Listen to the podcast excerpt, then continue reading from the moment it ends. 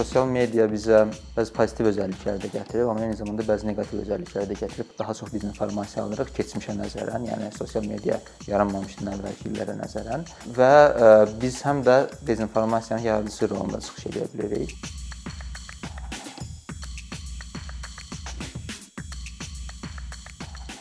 Xoş gəlmisiniz Səhət bəy. Xoş Biz gördük. sizi ə, Fakt Yoxla təşəbbüs qrupunun araşdırmaçısı kimi tanıyırıq və elə bundan ə, başlamaq istəyərdik ki, ümumiyyətlə saxta xəbərlər necə yayılır?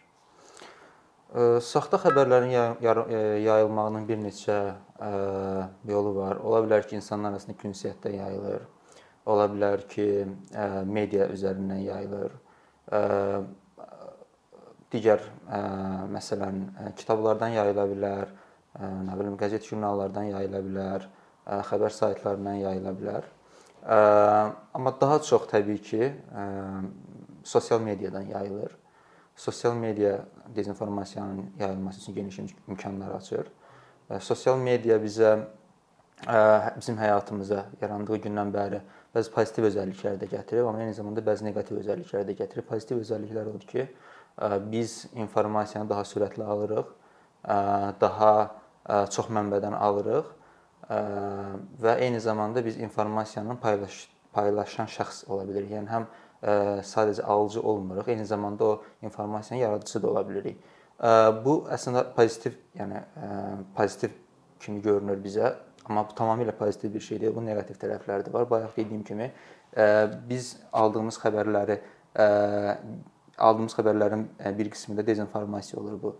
Yəni sosial mediada paylaşılan xəbərlər və ə, bayaq saydığım o müsbət özəlliklər eyni zamanda ə, birdən-birə mənfi özəlliklərə çevrilə bilər. Yəni biz eyni zamanda bir bir neçə ə, media ə, qurumundanmı deyim, sosial media istifadəçisindanmı deyim, ə, dezinformasiya alırıq, daha çox dezinformasiya alırıq keçmişə nəzərən, yəni sosial media yaranmamışdan əvvəlki illərə nəzərən. Ə, və biz həm də dezinformasiyanın yaradıcısı rolunda çıxış edə bilərik. Buna görə də düşünürəm ki, əsas yayılma vasitəsi sırf bəlkə də tək Azərbaycan kontekstində deyil, amma yəni mən Azərbaycan kontekstindən danışıram. Ən geniş imkanı yaradan sosial mediadır. Geniş kütləyə sahib olan platformalar bilirik ki, bəzən bu kütləni ə, konspirasiya teo- teoriyaları yaymaq üçün və yaxud da saxta xəbərlər, təhrif olunmuş xəbərlər, yaxud da dəqiqlən dəqiqləşdirilməmiş ə, faktlar əsasında onların paylaşılmasında istifadə edirlər. Yəni öz kütlələrinə bu yolla çatmaqda bir ə, səhvlik görmürlər. Bunların qarşısını bu ə, belə deyək, bu platformaların bu cürə davranmasını necə qarşısını almaq olar? Ə, yəni söhbət sırf media qurumlarından gedirsə, ə, media qurumlarının yəni bu bu tendensiyanın qarşısını almağın ən ə, optimal variantı media subyektlərinin müstəqilliyini artırmaqdır. Yəni sadə dillə desək, azad medianı hər zaman daha çox önə çəkməkdir, inkişaf etdirmək üçün şərait yaratmaqdır. Çünki yəni mənim fikrimcə inzibati resurslarla media üzərində, yəni bu dezinformasiyanı yayan, bu dezinformasiya məlumatlarını paylaşan, konspirasiya nəzərlərini paylaşan media qurumlarının üzərində inzibati yollarla, hər hansı bir hüquqi yollar yollarla bir belə deyim, onun qarşısını almağa çalışmaq bu metodlarla effektiv olmayacağını düşünürəm. Çünki bu nəticə etibarilə insanlar yalan xəbərlər paylaşırlar, dərc eləyirlər. Bu onların bəlkə də azad ifadə azadlığı çərçivəsində dəyərləndirilə bilər, bəlkə də mətbuat azadlığı çərçivəsində dəyərləndirilə bilər. Yəni mən hüquqşünas olduğuma, olmadığıma görə deyə bilmirəm bu məsələləri, amma beynəlxalq təcrübə də onu göstərir ki, bu tip media qurumlarına qarşı xüsusi spesifik inzibati resurslardan istifadə olunmur onların qarşısını almaq üçün. Belə deyək, ə, düşünülür ki, qoyun oxucu qərar versin. Oxucu əgər görsə aradakı fərqi görsə ki, bu media qurumu yalan məlumat yayır, bu media qurumu ə, doğru məlumat yayır. Zamanla artıq o yalan məlumat yayan media qurumları sıradan çıxacaq, çünki insanlar artıq onu oxumayacaq, çünki onlar yalan məlumat yayırlar, dezinformasiya yayırlar daha doğrusu. Ona görə də ə, daha çox doğru xəbər verən, ə, əsaslı xəbərlər paylaşan, bu tip informasiya verən saytlara və yaxud da media qurumlarına yönələcəklər. Düşünürəm ki, yəni bunun ən optimal versiyası budur. Yəni dediyim kimi dezinformasiyanı paylaşmaq ola bilər ki, hər hansı bir media qurumu səhvən belə bir şey paylaşıb. Olur da, yəni texniki səhvlər olur. Bəlkə də baş redaktorun gözündən qaçırır, onu oxuyanda fikir vermir, ondan yayılır. Bu tip hər xırda dezinformasiyaya görə və yaxud da ki, yalan xəbərə görə hər hansı inzibati resursdan istifadə etmək doğru olmadığını düşünürəm. -hı. Oxucuların son qərarı verməsi məncə ən doğru olandır. Hı -hı. Mən bir daha bu konspirasiya nəzəriyyələri məsələsinə qayıtmaq istəyirəm. Hı -hı. Çünki bu təəssüratın sosial medianın ən qaranlıq üzərindən biridir. Hansı ki, insanlar hansısa bir mövzu üzərindən fikir bildirməyə başlayırlar və o artıq üçüncü şəxslərə çatanda bu reallıq kimi Hı -hı. çatır, nəinki hansısa bir Hı -hı. bir şübhə kimi. Hı -hı. Ona görə də bilmək istəyərdik ki, bu konspirasiya teoriyaları ilə, nəzəriyyələri ilə Hı -hı. necə mübarizə aparmaq olar? Bunun qaynağı haradır və nəyə görə bu qədər çox yayıla bilər? Konspirasiya nəzəriyyələrinin, yəni insanların konspirasiya nəzəriyyələrinə inanmağının bir neçə faktoru var. Burada sosioloji faktor ola bilər, psixoloji faktor ola bilər, insanların media ilə işləmə bacarıqlarının zəif olması ilə bağlı ola bilər. Amma belə hesab olunur ki, üç əsas psixoloji olaraq üç əsas faktor var insanların konspirasiya nəzəriyyələrinə inanmaqda. Birincisi adlandırılır epistemoloji əsas burada insanların bilmək istəyi ilə bağlıdır. İnsanların ətrafında hadisələr baş verir və insanlar hadisələrin nə olduğunu bilmək istəyirlər. Amma bilikləri az olduğuna görə, məlumatlar az olduğuna görə dəqiq, konkret bir cavab tapa bilmirlər. Və bu baş verən hadisələri, ətraflarında baş verən hadisələri müxtəlif vasitələrlə izah etməyə çalışırlar. Məsələn, deyək ki, COVID-19 pandemiyası dövründə virus birdən-birə ortaya çıxdı. Bütün ölkələrdə qapanmalar, lokdaunlar, nə bilim karantinlər, xəstəxanalarda insan əlindən tərpənmək olmur. Bütün dünyada vəziyyət belə idi və insanlar normal olaraq buna özlərinə sual verirlər ki, buna yəni nə baş verdi, niyə baş verdi? Təbii ki, bioloji olaraq insanlar, yəni bioloji olaraq, yəni biologiya olaraq, yəni elm olaraq biologiyanı nəzərdə tuturam. Çox ham məlumatlı deyil. Hamı virusların necə mutasiya elədiyini, genlərin necə dəyişdiyini, virusların necə çıxdığını bilmir. Amma bu suala cavab tapmaq istəyir ki, nə baş verdi?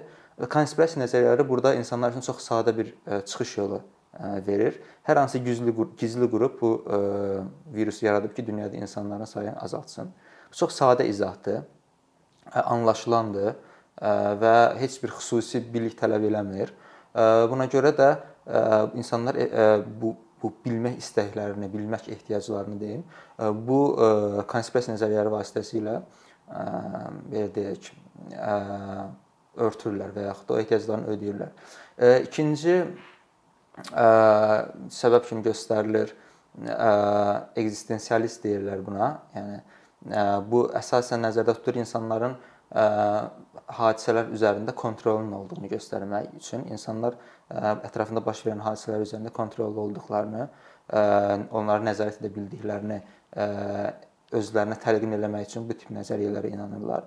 Üçüncü belə deyək, motiv odur ki, səbəb odur ki, insanlar sosial bir mühitdə yaşayırlar, ictimai bir mühitdə yaşayırlar.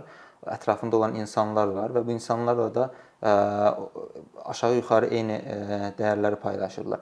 Əgər sizin ətrafınızda bu tip nəzəriyyələrə inanan çox insan varsa, ehtimal yüksək ehtimal odur ki, siz də bu tələyə düşə bilərsiniz, buna inana bilərsiniz. Bu üç əsas motivi budur.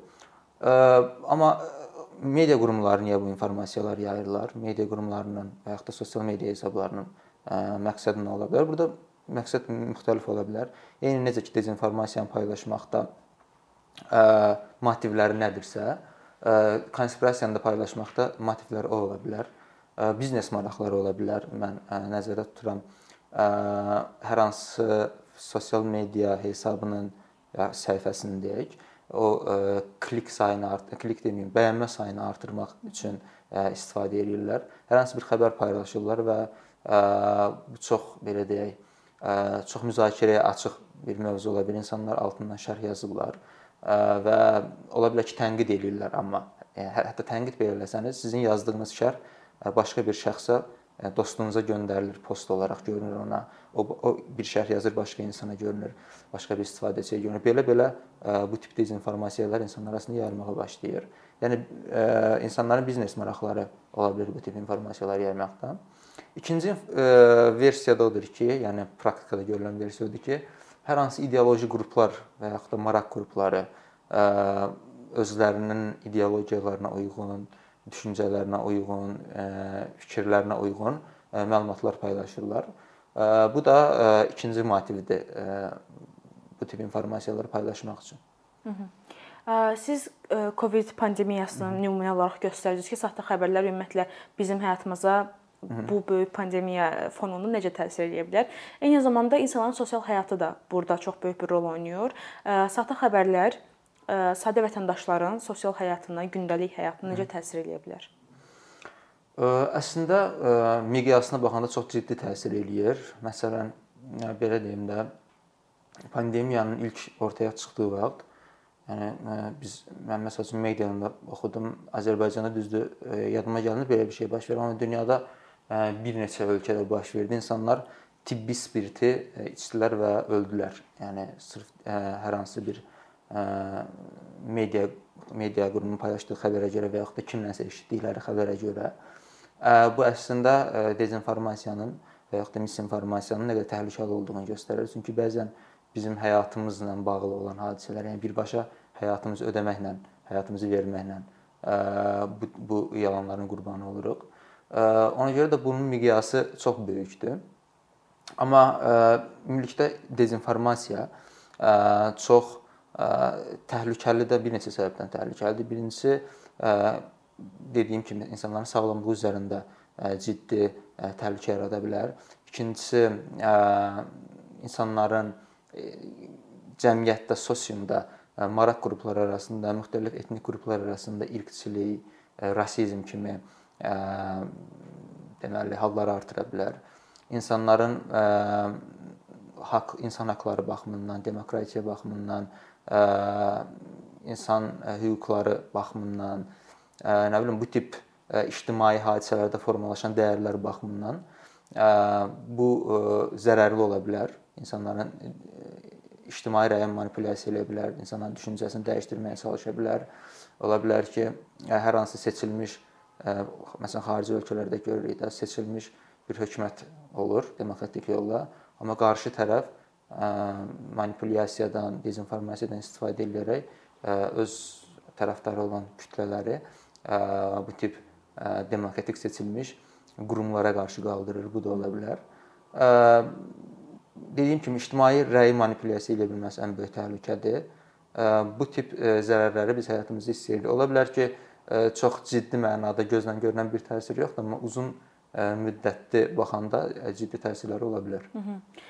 İnsanlara yəqin ki, saxta xəbəri, saxta faktı, real faktdan, doğru xəbərdən ayırmaq üçün müəyyən bacarıqlara sahib -hı. Amma bəzi şəxslərdə ola bilər ki, yaşadıkları yerə görə ola bilər, media savadlılığına görə ola bilər və digər səbəblərdən onlar ola bilsin ki, bu real faktı yalan faktdan ayıra bilmirlər Hı -hı. və dezinformasiyanın qurbanı olurlar. Hı -hı. Bəs insanlar yenə dediyim kimi sadə vətəndaşlar yalan xəbəri başa düşmək üçün, onu tapmaq üçün hansı belə deyək, vərdişlərdən və hansı biliklərdən istifadə edə bilərlər?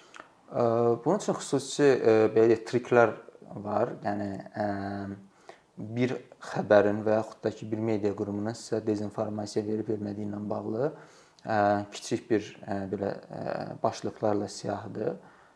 O o hissələri yoxlayaraq bir xəbər saytından və yaxud da hər hansı bir xəbərin nə qədər doğru olub-olmadığını yoxlamaq olar. Düzdür, bu sizə birbaşa nəticə verməyəcək, amma ən azından şübhələnməyiniz üçün bir Hı. səbəb verə bilər. Məsələn,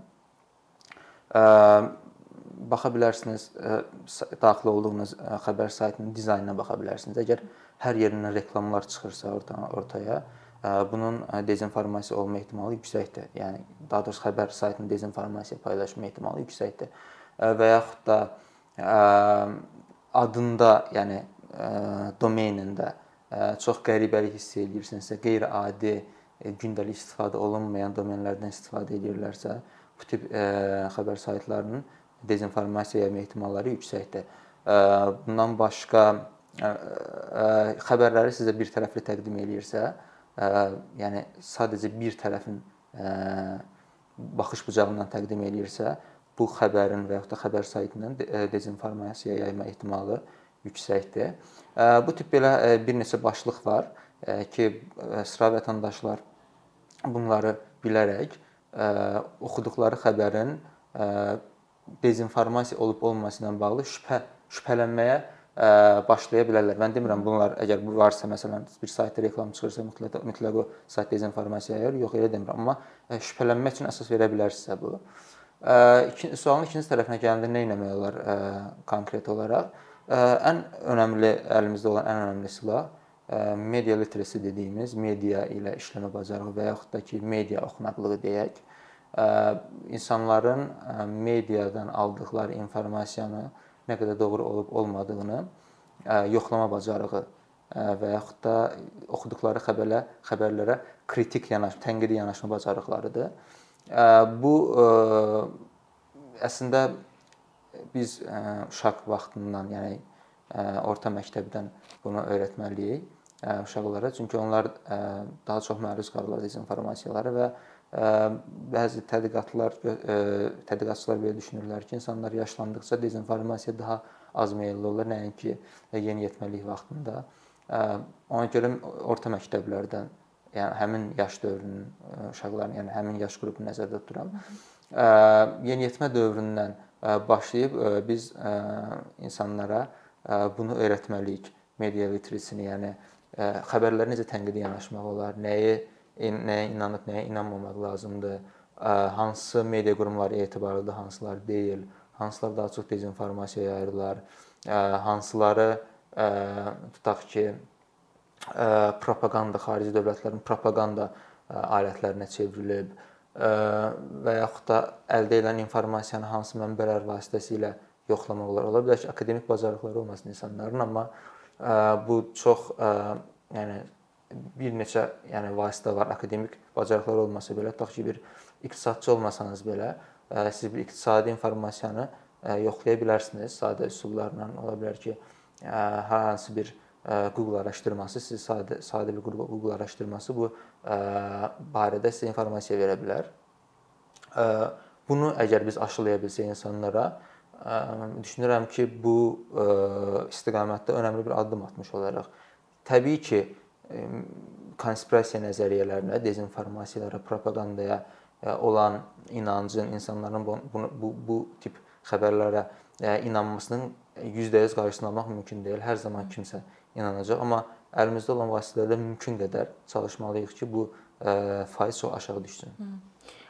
Sizin də nümayəndəsi olduğunuz, tədqiqatçısı olduğunuz təşəbbüs qrupu olan Fakt yoxla artıq 3 ildir fəaliyyət göstərir və sizlə məhz danışdığımız şeyləri əslində siz eləyirsiniz. Hı -hı yalan xəbər yayanları Hı. düzgün xəbərlə dəyişdirirsiniz və insanlara təqdim edirsiniz. Bilmək istədiyim budur ki, bu 3 il ərzində siz başladığınız dövrdən indiki dövrə qədər hansı fərqlilikləri görmüsüz və bu fərqliliklərin daha əgər inkişaf varsa yaxşıya doğru, bu inkişafın neçə faizində fakt yoxlanan təsiri var? Hı -hı. Birbaşa təbii ki, deyə bilmirik. Əlimizdə belə bir ölçmə vasitəsi yoxdur ki, insanların nə qədərinə təsir eləyə bilər, nə qədərinə təsir eləyə bilmirik. Amma ən azından təkcə Facebook və Instagramda hardasa 60 minə yaxın izləyicimiz var. Bu da kifayət qədər yaxşı rəqəmdir düşünürəm. Və bizim paylaşdığımız xəbərlər 60 min insana çatırsa, bu ən azından bir bir qismdə olsa dezinformasiyaya məruz qalmasının qarşısını alır. Amma 3 il ərzində nəyin dəyişdiyini düşünürəm. İnsanların düşünürəm ki, mövqeyi dəyişir. Yəni yanlış xəbərlərlə bağlı mövqeyi dəyişir. Biz məsələn paylaşırıq, hələ də olur hadisələr. Elə xəbərlər paylaşırıq ki, insanlar onun yanlış olduğunu bildirirlər, amma deyirlər ki, yanlış da olsa özümüzünkidir, öz, özümüzünkünün yaydığı xəbər, yəni Azərbaycan media, Azərbaycan Birləşən Media Qurumudur. Və bu yaydığımız xəbərləri bunu biz yaymamalıyıq, çünki biz hamımız eyni ölkənin vətəndaşıyıq və s. və il axır kimi belə mövqe qoyurlar ortaya. Bu təbii ki, düşünürəm yanlışdır. Çünki hər hansı media qurumu əgər onu izləyən izləyicilərdən istifadə eləyirsə, onların hər hansı milli, dini, irqi hisslərindən istifadə eləyirsə, sırf reaksiya almaq üçün, sırf kimsə orada tutaq ki, bəyənsin, şərh yazsın və s. və ilaxır və bu da nəticədə həmin sosial media hesabının aktivləşməsinə səbəb olsun. Düşünürəm ki, bu ən azından öz istifadəçilərinə qarşı, öz izləyicilərinə qarşı hörmətsizlikdir. Bunu bizdən əvvəl onu paylaşan media qurumu fikirləşməlidir ki, mən öz izləyicilərimi niyə aldatmalıyam? Hı. Amma o o həmin o dəstəkləyən şəxslər də düşünürəm ki, bir müddətdən sonra artıq başa düşürlər bu tip yəni xəbərlərin yayılma səbəbi nədir? Onun arxasında hansı səbəblər durur? Hansı biznes maraqları var? Yəni biznes maraqları deyəndə burada xüsusi hər hansı belə alqı-satqı kimi bir şey nəzərdə tutmuram. Sadəcə yəni sosial media hesabının aktivləşdirilməsi, sosial media hesabı aktivləşəndən sonra tutaq ki, sizin Facebook səhifənizdə 100 min istifadəçi olandan sonra siz bunu tutaq ki, başqa birinə sata bilərsiniz və yaxud da həmin səhifədə reklam götürüb pul qazana bilərsiniz. Yəni bu tip biznes maraqlarını nəzərdə tuturam. Yəni sırf bu bu tip aktivitetlər üçün, bu tip fəaliyyət üçün ə, götürüb, yəni hər hansı saxta xəbəri paylaşmaq, dezinformasiyanı paylaşmaq media qurumunun adına ə, mənim düşündüyüm, yəni mənim düşündüyümə görə böyük bir ayıbdır. Biz bunu ortaya qoyanda, ortaya çıxaranda insanlar ə, bəziləri o ə, e, belə deyək, o psixoloji ə, e, sədləri yıxa bilmirlər və hələ də düşünürlər ki, bəzi ə, e, məsələlərdə ə, bəzi media qurumlarının yalan yaymaq, dezinformasiya yaymaq haqqı var. Nəyə görə?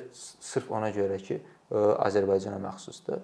Amma biz belə düşünmürük. Biz düşünürük ki, media qurumunun işi doğru xəbər yaymaqdır. O, hər hansı digər kənar təsirlərdən azad olmalıdır və ancaq ancaq doğru xəbər yaymalıdır. Təsir elədiyimiz insanların sayı baxımından belə bir data yoxdur əlimizdə təbii ki.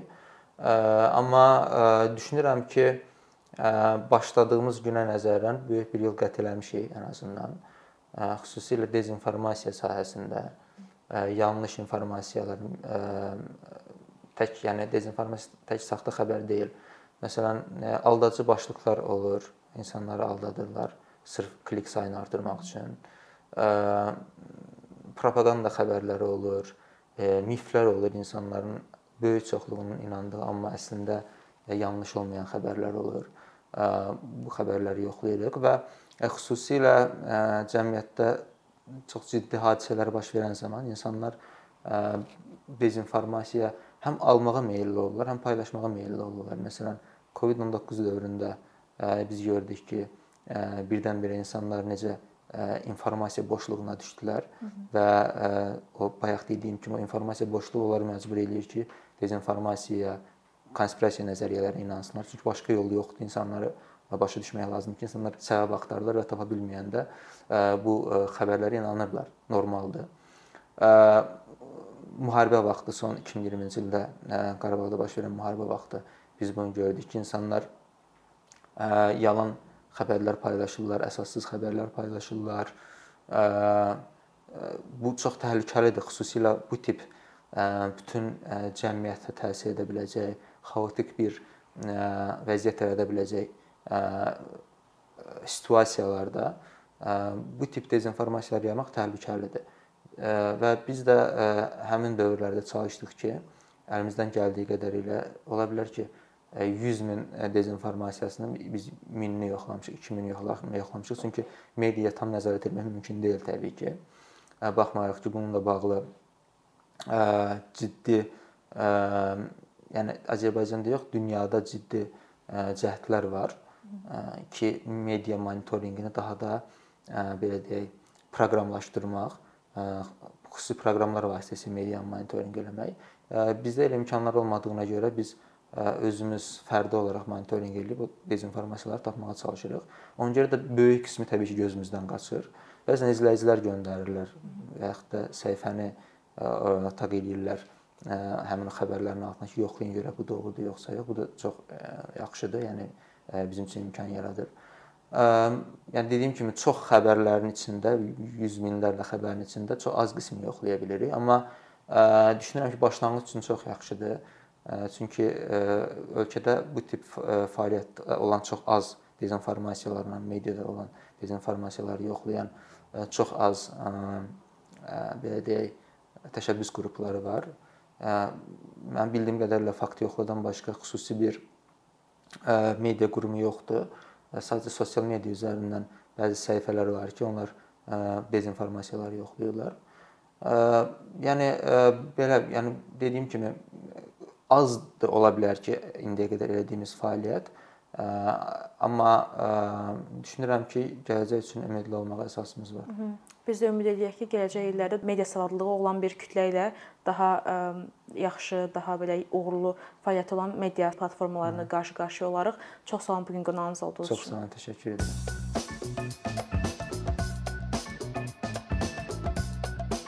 Bir neçə ildir ki, əkinçi olaraq azərbaycanlı izləyicilərin hər zaman faydalana biləcəyi keyfiyyətli və ən əsas ödənişsiz kontent hazırlamağa çalışırıq. İndiyədək təqdim etdiyimiz onlarla animasiya və yüzlərlə çəkilişlər tələbələrin, mütəxəssislərin, müəllimlərin və ümumiyyətlə yeni mövzulardan xəbərdar olmaq istəyən çox sayda insanın marağına səbəb olub. Bu illər ərzində hazırladığımız videolar təhsil, texnologiya, ictimai fəallıq, iqtisadiyyat, gender bərabərliyi, ətraf mühit, ifadə azadlığı, hüquq, demokratik inkişaf, mədəniyyət və digər mövzuları əhatə edib. Məqsədimiz çoxlu baxış gətirən deyil, çoxlu fayda gətirən videolar hazırlamaqdır. Amma bu düşündüyümüz qədər asan deyilmiş. Gördüyümüz iş kifayət qədər resurs, əmək və təbii ki, davamlılıq tələb edir. Bu səbəbdən Patreon platformasından istifadəyə başladıq. Əkinçinin Patreon hesabının populyarlaşmasına çox böyük ümidlərimiz və gözləntilərimiz var. Bəziləriniz Patreon haqqında ilk dəfə eşidirsiniz. Əslində çox sadə izahı olan bir platformadır. Təsəvvür edin ki, siz rəssam və ya musiqiçisiniz. Sosial şəbəkələrdə sizi izləyən, işinizi bəyənən çox sayda insan var. Patreon platforması sizə imkan verir ki, izləyicilərinizin könüllü aylıq ödənişləri sayəsində işinizi davam etdirəsiniz. Sərgi, konsert zallarından asılı qalmayasınız. Amma bu təkcə rəssam və musiqiçilərə aid deyil. Məsələn, əkinçiyə bənzər fəaliyyətlə məşğul olan bəzi layihələrin 10 minlərlə patronu var. Biz də düşündük ki, nə üçün əkinçinin Patreon hesabı olmasın? Sizin dəstəyiniz sayəsində sayəsində biz daha çox və daha keyfiyyətli kontent yaratmağa davam edə biləcəyik. Amma bu dəstək yalnız maddi dəstək deyil. Dəstəkçilərimizin sayının artması gördüyümüz işlərin faydalı olduğuna dair əminlik verir. Patreon platformasından istifadə çox sadədir. Hesabınızı açırsınız, sizə uyğun dəstək növünü seçirsiniz və Patreon özü hər ayın ilk günü kartınızdan seçdiyiniz dəstək növünə uyğun ödəniş tutur. Bu qədər. Sonda onu demək istəyirik ki, dəstəkçilərin sırasına qoşulmaq istəyən, amma məhdud imkana görə bunu edə bilməyənlər narahat olmasın. Daha öncə dediyimiz kimi, bizim əsas məqsədimiz daha çox insanın hər zaman faydalana biləcəyi keyfiyyətli və ödənişsiz kontentin yaradılmasıdır. Bunun üçün mütləq patronumuz patronunuz olmalısınız deyə məcburiyyət yoxdur. Amma imkanınız patron olmağa çatırsa və bizim işimizi bəyənirsinizsə, patronlarımızın sırasına qoşulmağınız bizim üçün çox önəmlidir.